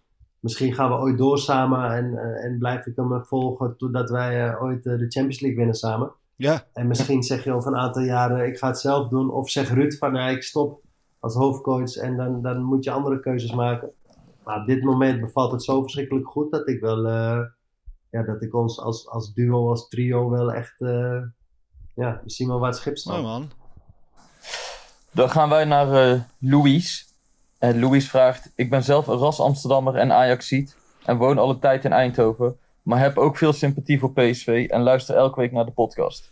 Veel fans in Amsterdam en Eindhoven kunnen dat niet begrijpen. Hoe kijk jij naar je overstap? Je hebt zo lang voor PSV gespeeld. En werkt al zoveel jaar voor PSV.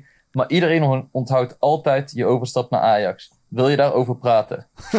Nou, ik moet, ik moet eerlijk zeggen, ja, natuurlijk wil ik dat. Dat heb ik ook al gezegd al eerder al in dingen. Ik heb daar eigenlijk nooit echt interviews over gegeven of over gesproken, omdat ik denk van ja, weet je, dit ligt altijd gevoelig. Kijk, ik ben, ik ben opgegroeid in Amsterdam, als ik ben Amsterdamse jongens. Ik ben opgegroeid bij, bij Ajax, van mijn twaalfde tot mijn negentiende bij Ajax opgegroeid. Niet goed genoeg voor Ajax 1, uiteindelijk via Volendam en Roda gekomen, een grote jongen geworden en bij PSV terechtgekomen in het begin merkte ik al dat ik als Amsterdamse jongen in Eindhoven bij PSV had je een klein achterstandje. Dat is helemaal niet erg. Eh, daar ben ik, heb ik overwonnen. Ik ben echt PSV in hart en nieren geworden. En, en eh, op het moment dat ik de eerste periode wegging, ja, dat is een, een ander verhaal waar we misschien zo direct nog wel op terugkomen. Ik kwam terug uit Engeland en kom ik terug bij PSV. En ik kwam eigenlijk terug om bij PSV mijn carrière af te sluiten. Eerste periode 8,5 jaar bij, bij, bij PSV gespeeld. Eh, tweede periode een jaar dan, dus 9,5 jaar. Ja, ik wilde eigenlijk gewoon die 10 jaar volmaken. Dan ben je echt officieel een clubicoon, net zoals mijn schoonvader Willy van der Kerkhoff. Ja, dat wilde ik ook echt gewoon worden. En, eh, maar ja, het jaar liep iets anders. Ik had een slecht jaar gehad. En eh, ik verloor op een gegeven moment ook mijn basisplaats aan, aan San Siro in Massa, terecht. En eh, uiteindelijk aan het eind van het seizoen wist ik mijn plek toch weer terug te knokken. En eh, ik had maar een eenjarig contract en PSV verlengde mijn contract niet. En in, in, in januari eh, ben ik toen, Fred Rutte was toen hoofdtrainer en volgens mij eh, Jan Reken technisch directeur. Ja. En toen ben ik eigenlijk in, in februari naar, naar Fred Rutte gegaan van ja, wat, wat gaan we doen? Want ja, eh, achter 9,5 jaar PSV inmiddels, ik wil die 10 volmaken. En toen Ja. zei Fred Rutte eigenlijk van ja, komt wel goed, maak je niet druk. Weet je, daar komen we wel uit, eh, blijf wel en eh, komt goed. Nou, Oké, komt goed. Maar ja, ik hoorde niks, ik hoorde niks, ik hoorde niks. Ja, officieel moeten ze voor 1 april je contract opzeggen. Want anders gaat het automatisch door. Dus ik krijg een Ja. officiële brief binnen voor 1 april dat ze mijn contract opzeggen.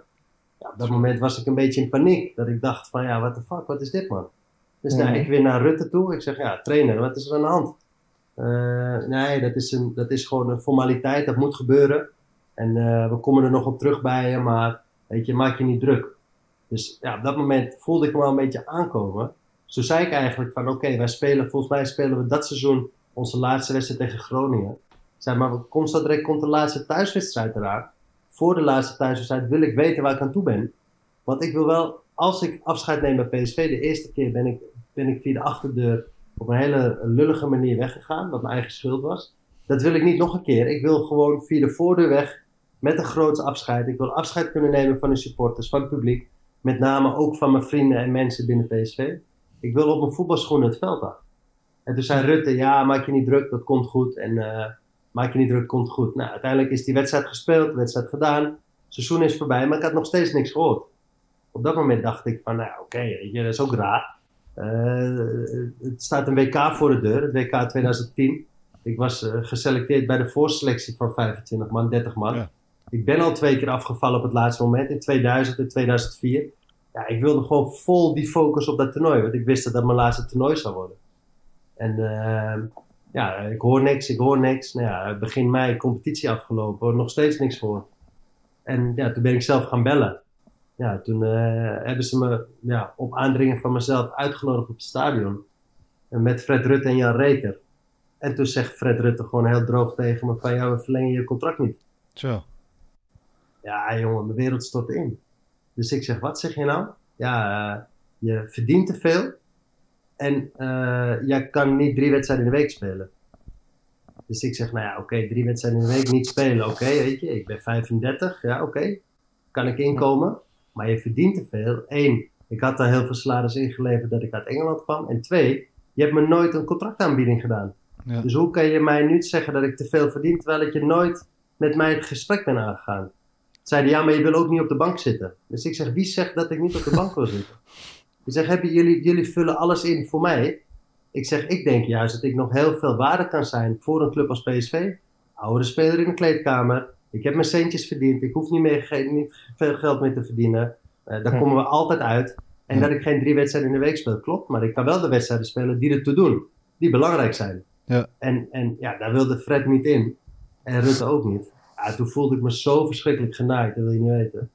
Dus toen zei ik ook van ja, maar jongens, wat is dit voor naaistreek? Nu, nu moet ik zo direct, ik wil nog doorvoetballen, dus ik ga naar een andere club. En waar is dan nu het afscheid van mijn PSV, van mijn supporters? Ja, dat komt nog wel. Ik zeg ja, maar als ik een transfer maak naar bijvoorbeeld Feyenoord of naar Ajax, wat dan? Dan kan ik Ja. toch geen afscheid meer nemen van het publiek. Dat, dat gaat nou Dat, niet meer. dat, dat wist je meteen, of dat voelde je. Nou ja, ik voelde gewoon dat ik nog door wilde. Ik wist, ik, Ja. ik, ja, dat zeg ik. Ik ben een, bluff, een bluffmannetje, maar ik weet wel wat ik doe. En ik wist gewoon dat ik naar het WK ging. En ik wist gewoon dat ik nog van waarde kon zijn. En ik wist dat ik nog twee jaar in had. En dat ik van waarde kon zijn op mijn manier. En niet zozeer om, eh, om 30 wedstrijden per jaar te spelen. Maar een wedstrijd of 10 per jaar, zoals mijn schoonvader in 88 heeft gedaan. Ik wist gewoon dat ik nog van waarde kon zijn voor die jonge spelers. In de kleedkamer met name. Ja, Fred Rutte wilde daar niet in. En toen zei Fred op het laatste moment ook nog van ja, hou er maar rekening mee dat je niet naar het WK gaat. Ja. En ja, dat, dat sloeg bij mij zo in. Dat ik ben opgestaan en heb gezegd, jongens, ik ga weg, want anders sla ik jullie echt een blauw oog. Zo. En dan ga ik stomme dingen zeggen en roepen, dat heb ik al een keer eerder gedaan. En toen ben ik opgestaan en weggegaan. En, en ja, niks meer van PSV gehoord of vernomen daarna. Ja, toen kwam natuurlijk het WK. Ja, WK, eh, wat ik net zeg, Brazilië, kwartfinale, mooie wedstrijd. Ja, toen heb ik wel laten zien dat ik nog een beetje kon voetballen. Zeker. En, en eh, toen was Ajax al geweest. En toen had ik al gezegd van, nou ja, dat, dat, het, mijn gevoel zei dat ik dat op dat moment ook niet kon maken. En toen ging ik op vakantie. Eh, ik heb besloten naar de WK-finale om te stoppen. Eh, we verloren, Iniesta schiet die bal binnen waardoor we de WK-finale verliezen. En op dat moment dacht ik, ja, dit is eigenlijk een mooi moment om te stoppen. Ik stop mijn carrière gewoon en dan zie ik wel hoe het allemaal loopt. En toen ging ik op vakantie samen met de families van eh Bommel, Bronkhorst, eh, Kuit, eh, Bauma, die waren er allemaal bij. En eh, toen gingen we voetvolleyen. En toen zeiden hun eigenlijk allemaal van, ja weet je Dre, je bent gek als je stopt met voetballen man. Je hebt nog veel te veel in je om wat te doen. Nou, ik heb een gezin. ik had geen zin om naar het buitenland te gaan. Ja, dan ga je het in Nederland zoeken. Ja, met alle respect, als je wat wil bereiken nog, dan moet je bij de topclub zijn. Ja. Ja, dan kom je dus bij Ajax en Feyenoord uit op dat moment. Ja, Martin Jol was trainer bij Ajax. Eh, ik, heb, ik heb met hem nog getraind bij Roda. Dus ik kon hem nog. En ehm, ja, die, die belde me. Van ja, wil je toch wat doen? Ja, toen heb ik mijn suikernemer gebeld. Heb ik eerst gezegd, nee, ik doe het niet. Ja, en toen uiteindelijk zei ik van, ja, ik wil toch nog voetballen. Laten we het gesprek aangaan. Ja. ja, ik heb daar inderdaad voor bijna niks gevoetbald. Het hele seizoen op de bank gezeten. En eh, eh, ja, wel van grote waarde geweest in de kleedkamer. Dus alles wat Rutte zei, ja, dat heb ik daar gedaan. Wat ik ook bij PSV had kunnen doen, maar ja, dat wilden hun niet. Hm.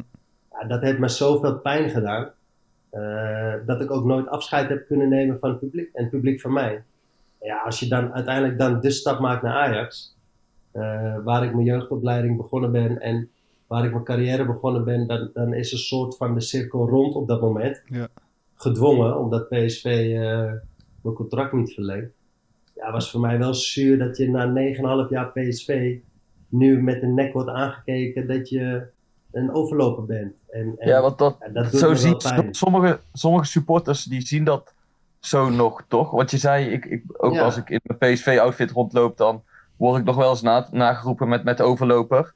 Steekt dat je dan nog, omdat, omdat zij Nou. waarschijnlijk dit verhaal niet kennen? Of...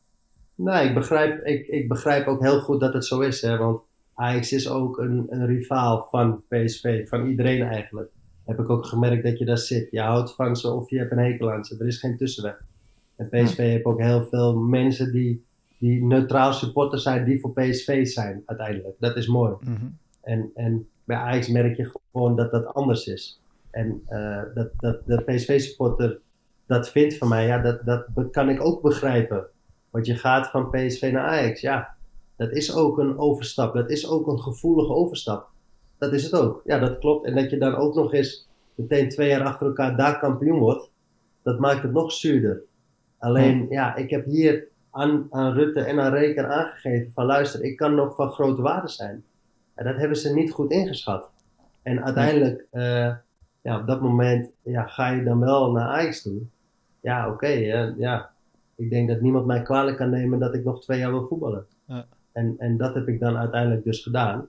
En ik vond dat wel heel moeilijk, want op het moment dat jij hier weggaat, je hebt 9,5 jaar bij deze club gespeeld, je gaat daarheen. Ik heb er wel veel van wakker gelegen, van moet ik dat wel doen? Zal ik dat wel doen? Wat gebeurt er dan na mijn carrière? Want ik wil eigenlijk, ja, zoals ik nu ben, weet je, ik wil bij PSV werken. Ik wil hier, dat vind ik gewoon geweldig. En ik wil ook niks slechts over Ajax zeggen, want dat is ook gewoon een geweldige club. En daar heb ik het echt geweldig gehad. Maar PSV is wel hetgeen waar ik nu zit weer. En ik ben blij dat dat weer goed gekomen is.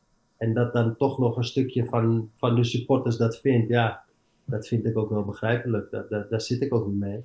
En ik heb ook bewust nooit een interview gegeven, omdat ik op dat moment zat. Rutte nog in zijn carrière. En ja, Reker is ook een PSV'er. En ik dacht van ja, weet je, waarom ga ik me op mijn hals halen om iedereen om, om een trap na te geven? Dat wil ik niet. Mhm. Ja, nu we toch hier in die podcast zitten, denk ik, ja, gewoon een keer vertellen. Dankjewel voor deze primeur. Ja, want, er kwamen, want het kwam ook eigenlijk uiteindelijk een beetje voort omdat we het erover hadden van tevoren. Ja, er, zijn toch- er blijven altijd vragen binnenkomen eh, aan jou over, eh, over Ajax. En hier hebben we Wim ook nog eentje. Hij zegt, hoe vond, jij, hoe vond hij zijn terugkeer naar Ajax? En aan zijn vreugde te zien, vond hij deze titel de mooiste? Vraagteken. Nou, ik moet wel, ik moet wel eerlijk zeggen, dat, dat, dat is dan niet leuk om te horen voor een PSV-supporter. Dat wat ik ook begrijp. Ja. Kijk, ik kwam bij Ajax binnen. En op dat moment, het jaar daarvoor, hadden wij met 4-3 gewonnen in, in het Philipsstadion van Ajax. Waarin ik Suarez, denk ik, alle hoeken van het veld geschopt heb. Ja. En, en geknepen heb. En ik had drie penalties tegen moeten hebben. Vier keer een rode kaart moeten hebben. Maar ik ben overal maar weggekomen in die wedstrijd. Dat is gewoon mijn grootste vijand, was dat op dat moment. Ja. En ik kom bij Ajax binnen. En hij was de eerste die me ontvangt en zegt van oké, we hebben winnaars nodig zoals jij om kampioen te worden. En eh, Ajax was op dat moment zeven jaar geen kampioen geworden, want al die kampioenschappen die geweest waren, die had ik zelf meegemaakt als PSV'er. Dus ik kwam daar binnen, de eerste twee, drie wedstrijden bij Ajax, werd ik door het publiek van Ajax uitgefloten. Omdat ze mij zagen als PSV'er. Ja, dat, daar was ik gewoon trots op. Ik vond dat mooi. Ja. Ik dacht van nou mooi, ik heb wat goed achtergelaten. Alleen, ik moet het wel bij Ajax gaan draaien. Want ik voetbal voor Ajax. En ik wil kampioen worden met Ajax. Ja. Dan ga je niet de boel lopen boycotten. En dat heb ik ook gedaan. En dat je dan uiteindelijk kampioen wordt, het eerste jaar, de 30ste titel voor Ajax. En de 31ste. Ja, dat was voor mij wel bijzonder. Om dat als Amsterdamse jongen in de jeugdopleiding eh, opgegroeid te hebben mee te maken. En tegelijkertijd heb ik op dat moment ook bewust ervoor gekozen om, om niks negatiefs te zeggen over PSV of over Rutte of over Reken. Dat vond ik te makkelijk. En, en dat wilde ik niet. En eh, ik wilde altijd weer welkom zijn bij PSV. En het feit dat Marcel Brands mij belde bij PSV, ja, dat, dat zei voor mij genoeg. En dat was ook een reden voor mij om meteen weer bij PSV terug te komen. En nu alweer met zeven jaar met veel plezier bij PSV te werken. Ja. En nog steeds Ajax ook een warm hart toedragen. Want ja, dat is nou helemaal zo. Mooi. Een uitgebreid antwoord, hè? Ja. Ik denk dat het een goed antwoord is Ja. op de vragen. Absoluut. Ja. Eh, we gaan door met de volgende. Rogier eh, Engelbertink. Eh, hoi André, wat vond je jouw mooiste ervaring bij Blackburn Rovers? Zo, dat is weer een hele andere. Ja. Ehm, nou, dat, daar zit. Als we toch openbaarder gaan zijn, openhartig gaan zijn, ik net zo goed doorgaan. Ik, ik had bij PSV een, acht jaar, een 8,5 jaar heb ik daar gezeten. In, eh, in, in 99 en in 2002 heel kort achter elkaar. Binnen, binnen eigenlijk eh, november, januari, eh, binnen twee jaar tijd overleden mijn vader en mijn moeder kort achter elkaar. In die periode was Harry Verraai trainer, bij, of, voorzitter Ja. bij PSV. En Harry had mij een contract aangeboden voor vijf jaar. En dat wilde ik ook graag. En dus ik was bij, bij PSV gebleven met die eh, verstandhouding. Hebben we elkaar een handvol gegeven dat ik geen transfer zou maken bij PSV. En dat ik gewoon bij PSV zou blijven. Ja. En dat hebben we ook gedaan. En prima aangehouden allebei. Met veel plezier gezeten. En eh, toen kwam Westerhof. Van, eh, die, die nam het over van Harry Verraai. Ja. En ehm, ja, Westerhof die boden mij toen een driejarig contract aan. En ik, we waren akkoord met een driejarig contract en eventueel opgenomen te worden in de staf. En ik zag dat helemaal zitten. Dan ben ik 12, 13 jaar bij PSV aan het spelen. En ja, dan, dan, dat, dat zag ik helemaal zitten. En op het laatste moment trok eh Westerhof het contract in. Ja. En die wilde weer opnieuw rond de tafel gaan zitten. En toen kwam de Amsterdamse bluffgozer naar boven. Ja, toen heb ik ruzie gemaakt met Westerhof. En heb ik termen geroepen. Ik weet niet meer precies, maar termen geroepen dat het een klootzak was. En dat het, ja, dat hij eruit of ik eruit. En, en ja, dat soort dingen kan je niet doen. Toen heb ik muziek gemeld. En ja, dan heb ik allemaal dingen gedaan die ik niet had moeten doen. Waar ik ook wel spijt van heb. En, en ja, op dat moment ja, heb ik ervoor gekozen om de confrontatie aan te gaan met Westerhof. Ja. Ja, nu besef je dat je niet de confrontatie aangaat met Westerhof, maar dat je de confrontatie aan bent gegaan met PSV. Ja, ja. Dus op dat moment ben ik via de achterdeur weggegaan. Ja, toen, kwam, toen was er nog maar een korte tijd tot de transferwindow eh, ging sluiten. Ja, dan, dan ben je 32. Dan komen er natuurlijk niet zo heel veel clubs meer. Nee. Ja, op dat moment kwam Blackburn. En ehm, ja, Blackburn had toen, was zevende geworden in de Premier League en ben ik heen gegaan. Ja, toen kwam ik de eerste keer bij Blackburn binnen. En dat is het antwoord op je vraag. Dat is het mooiste Ja. moment. Mijn vader die had een, een, zijn roos was zijn lievelingsbloem. En ik had Blackburn wel de selectie gezien, ik had de trainers gesproken en ik zag het helemaal zitten om in de Premier League te spelen. Maar ik had het stadion nog nooit in mijn leven gezien. En ik kwam, eh, ik werd daar eh, voorgesteld. Dus eh, ze speelden s'avonds tegen Everton. Het stadion zat half vol. En ik kwam het veld opgelopen, dat ik echt dacht van, ja, uit het, het sfeervolle PSV-stadion kwam ik daar op een, het leek wel, ja, een stuk minder in ieder geval. Ja. Maar ik kwam het veld op en daar stond het embleem van Blackburn. Net zoals het embleem van PSV Ja. als je het veld opkomt. En dat was een hele grote rode roos. En ik kwam het veld op en toen dacht ik, ja, dit moet gewoon zo zijn. Weet je, de roos van mijn vader, de roos van Blackburn, dat moet gewoon zo zijn. Dit is gewoon voorbestemd. Oh, mooi. En dat was, dat was voor mij het mooiste moment van Blackburn. En sportief gezien, ja, dat zijn alle wedstrijden die in Engeland speelt. Bij United, bij Liverpool, eh, eh, bij Newcastle United, ook bij Sunderland. Alle wedstrijden zijn goud. Het sfeer is top. Eh, de velden zijn echt gewoon om je vingers bij af te likken. Ja. Ik heb daar drie jaar lang echt genoten van het voetbal. Dat was echt het leven, het voetbal. Dat was echt een geweldige periode om mee te maken. En dan was dat zelfs nog een middelmatige club. Want we werden volgens mij eh 7 en 8. We hadden wel Europees voetbal, wat al een kampioenschap was voor zo'n club. Tuurlijk. Ja, het laatste jaar weg en nu spelen ze volgens mij eh, in, de, in de twee divisies lager, of één. Ja. Zijn helemaal afgezakt. Ja. Ja, en die drie Ja. jaren meegemaakt. eh, ja, elk moment daar was echt briljant gewoon. Oké, dan gaan wij eh, naar de laatste vraag, André, van Lars Kroijmans. Zijn er keuzes die je in je carrière als speler hebt gemaakt waar je spijt van hebt? En zo ja, welke zijn dat dan? Nou ja, dat heb ik net al een klein beetje gezegd. Hè? Dus met name de, de spijt die ik heb is om ruzie te maken toen de tijd met Westerhof. Ik denk als ik dat niet gedaan had en dan hadden we er misschien toch alsnog wel uit kunnen komen. En dan was ik nooit naar Engeland gegaan en dan had ik gewoon de rest van mijn leven bij PSV gespeeld, getraind en trainer geworden. En zeker het feit dat ik me toen ziek gemeld heb, daar heb ik wel echt spijt van. Dat had ik gewoon niet moeten doen. Maar ja, het moment dat je dan zo'n eigenwijs ventje bent als wat ik ben, Ja. dan sta je daarvoor, dan ga je daarvoor. En dan is dat wel iets wat je doet. En, en ja, eh, spijt van het feit dat ik Rutte en Reken geen blauw oog heb geslagen omdat ze me dat geflikt hebben, heb ik ook van. Want dat doet nog steeds, dat doet, dat doet nog steeds pijn Ja. gewoon. Dat, Ja, maar dat kan ik me heel goed dat voorstellen. En vooral ook omdat je dan eh, er zelf voor kiest om, eh, om het niet aan de grote klok te hangen. Maar er zijn natuurlijk wel be- bepaalde kanten van het verhaal die voor heel veel mensen best wel belangrijk zijn om, om, om ook eens te horen. Ja, ja, kan inderdaad. Maar dat, kijk, dat, dat zal nu ook zomaar weer gebeuren. Weet je, media kunnen weer dingen overnemen en gaan weer dingen verdraaien, waardoor alles weer in een ander daglicht komt. En dat, dat, dat is de moeilijkheid, ook van dit soort uitspraken die je nu doet. Ja. Weet je, dan kan er weer uit, er wordt er weer Ja, uitgezegd ja. van ja, had ik Fred Rutte maar een blauw geslagen. Dan denk ik morgen weer van ja, kut, wat heb ik nou weer gezegd. Maar dat, dat, zijn, wel, dat zijn wel dingen waar ik, ja, niet zozeer echt spijt, ja, spijt heb ik wel van het feit dat ik toen ruzie gemaakt heb en eigenlijk met via de achterdeur door de ruzie bij PSV ben weggegaan. Ja. Ja, dat, dat was vervelend. En dat ik uiteindelijk nooit bij PSV een afscheid heb gekregen wat je verdient als je 8,5 jaar, 9,5 jaar bij een club speelt. Ja. Eh, ja, dat heeft me altijd pijn gedaan. En eh, ja, de spijt dat ik hem daar geen klap heb gegeven, dat eh weet je. Hey André, dat was hem dan. Eh, onze podcast. Je hebt wel even een primeurtje hoor. Dit is onze langste eh, podcast ooit, Guus. Ja, en dat en is- zo'n beetje ook 1 niet. uur hè. en drie kwartier.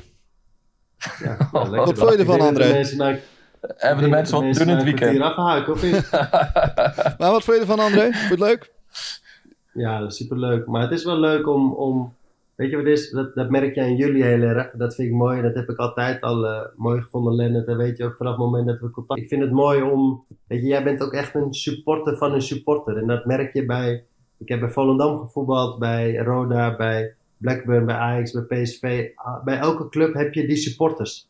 En dat, dat maakt het voetbal ook mooi als speler zijn. Om daar contact mee te hebben, interactie mee te hebben. En wat ik net Ja. zeg, op het moment dat ik voor een corner stond en ik stond voor Oost en ze begonnen het liedje over je te zingen, ja, dan krijg je gewoon kippenvel. En dan denk je ook van ja, deze bal gaat er nu gewoon in.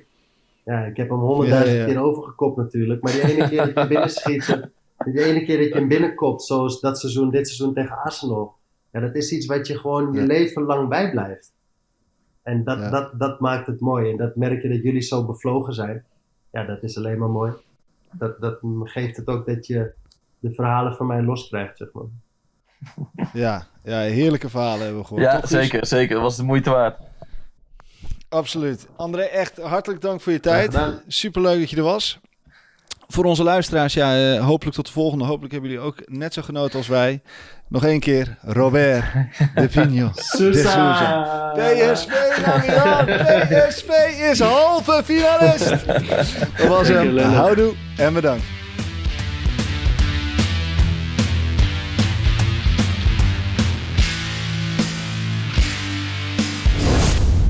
Klein beetje warm hier. Hey, hey Klim, hey. Ja, het is warm hier. Het is snikheet. Snik, hè. Ja. Snikheet. Snik, hè.